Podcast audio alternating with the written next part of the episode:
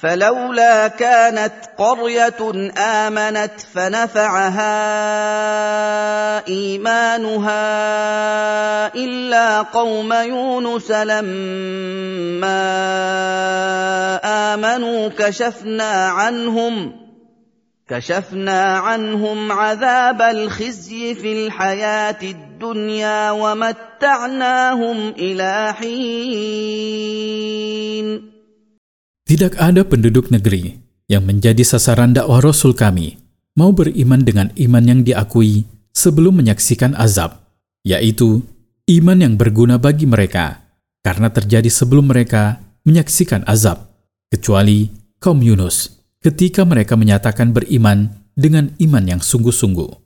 Maka kami bebaskan mereka dari siksaan kehinaan dan kenistaan di dunia, dan kami beri mereka kenikmatan hidup mereka sampai akhir hayat mereka. ولو شاء ربك لآمن من في الأرض كلهم جميعا أفأنت تكره الناس حتى يكونوا مؤمنين Sekiranya Tuhanmu, wahai Rasul, menghendaki agar semua orang yang ada di bumi ini beriman, niscaya mereka semua pasti beriman. Akan tetapi, Allah tidak menghendaki hal itu karena hikmah tertentu. Dia menyesatkan orang yang dikehendakinya berdasarkan keadilannya, dan dia memberikan petunjuk kepada orang yang dikehendakinya berdasarkan karunia-Nya. Maka engkau tidak kuasa memaksa orang untuk beriman, karena bimbingan menuju iman adalah hak khusus Allah. وما كان لنفس ان تؤمن الا باذن الله ويجعل الرجس على الذين لا يعقلون Dan tidak sepatutnya seseorang beriman atas kemauannya sendiri, melainkan dengan izin Allah. Jadi iman tidak akan terjadi tanpa kehendak Allah. Maka janganlah engkau terlalu berduka terhadap mereka dan Allah menimpakan azab dan kehinaan kepada orang-orang yang tidak memahami hujah-hujahnya, perintah-perintahnya, dan larangan-larangannya. قل انظروا ماذا في السماوات والارض وما تغني الايات والنذر عن قوم لا يؤمنون Katakanlah, wahai Rasul, kepada orang-orang musyrik yang bertanya kepadamu tentang ayat-ayat Allah. Renungkanlah tanda-tanda yang ada di langit dan bumi yang menunjukkan keesaan dan kekuasaan Allah. Tidak ada gunanya menurunkan ayat-ayat, hujah-hujah, dan mengutus para rasul kepada orang-orang yang tidak memiliki kesiapan untuk beriman, karena mereka bersikeras mempertahankan kekafiran. فهل ينتظرون الا مثل ايام الذين خلوا من قبلهم قل فانتظروا اني معكم من المنتظرين Maka orang-orang kafir itu tidak menunggu apa-apa selain kejadian-kejadian seperti yang ditimpakan oleh Allah kepada orang-orang kafir sebelum mereka. Katakanlah, wahai Rasul, kepada mereka, tunggulah azab Allah. Sesungguhnya, aku bersama kalian juga sedang menunggu janji Tuhanku. ثم ننجي رسلنا والذين امنوا كذلك حقا علينا ننجي المؤمنين Kemudian kami menjatuhkan hukuman kepada mereka, dan kami selamatkan rasul-rasul kami, dan kami selamatkan juga orang-orang yang beriman bersama mereka. Maka mereka tidak tersentuh azab yang menimpa kaum mereka. Dan sebagaimana kami telah menyelamatkan para rasul dan orang-orang yang beriman bersama mereka, kami pun akan menyelamatkan Rasulullah dan orang-orang yang beriman bersamanya dengan penyelamatan yang benar-benar menjadi tanggung jawab kami.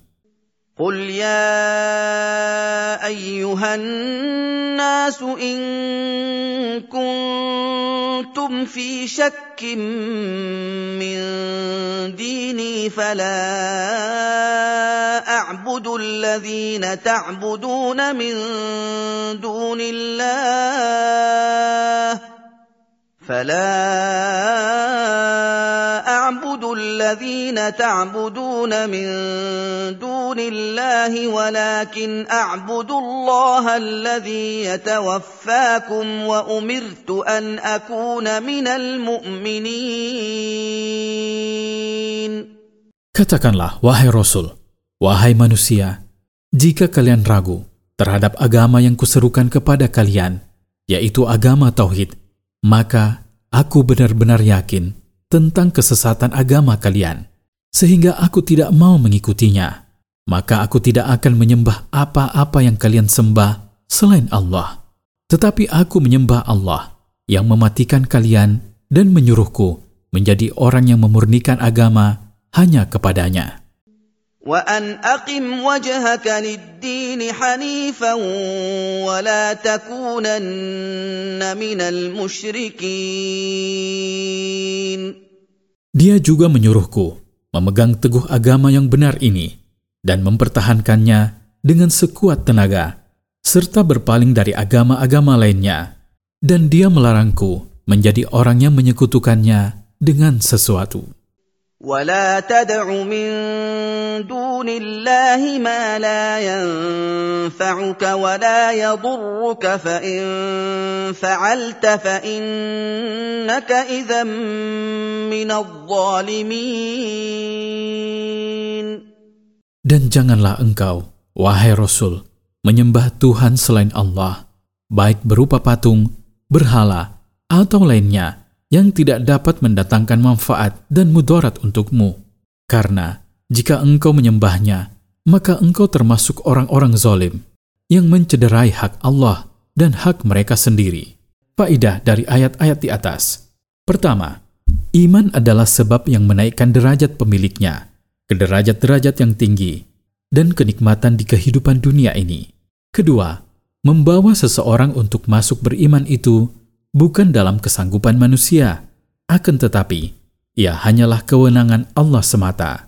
Ketiga, penetapan kehendak bagi Allah dan bahwa tidak terjadi sesuatu kecuali dengan izin dan kehendaknya.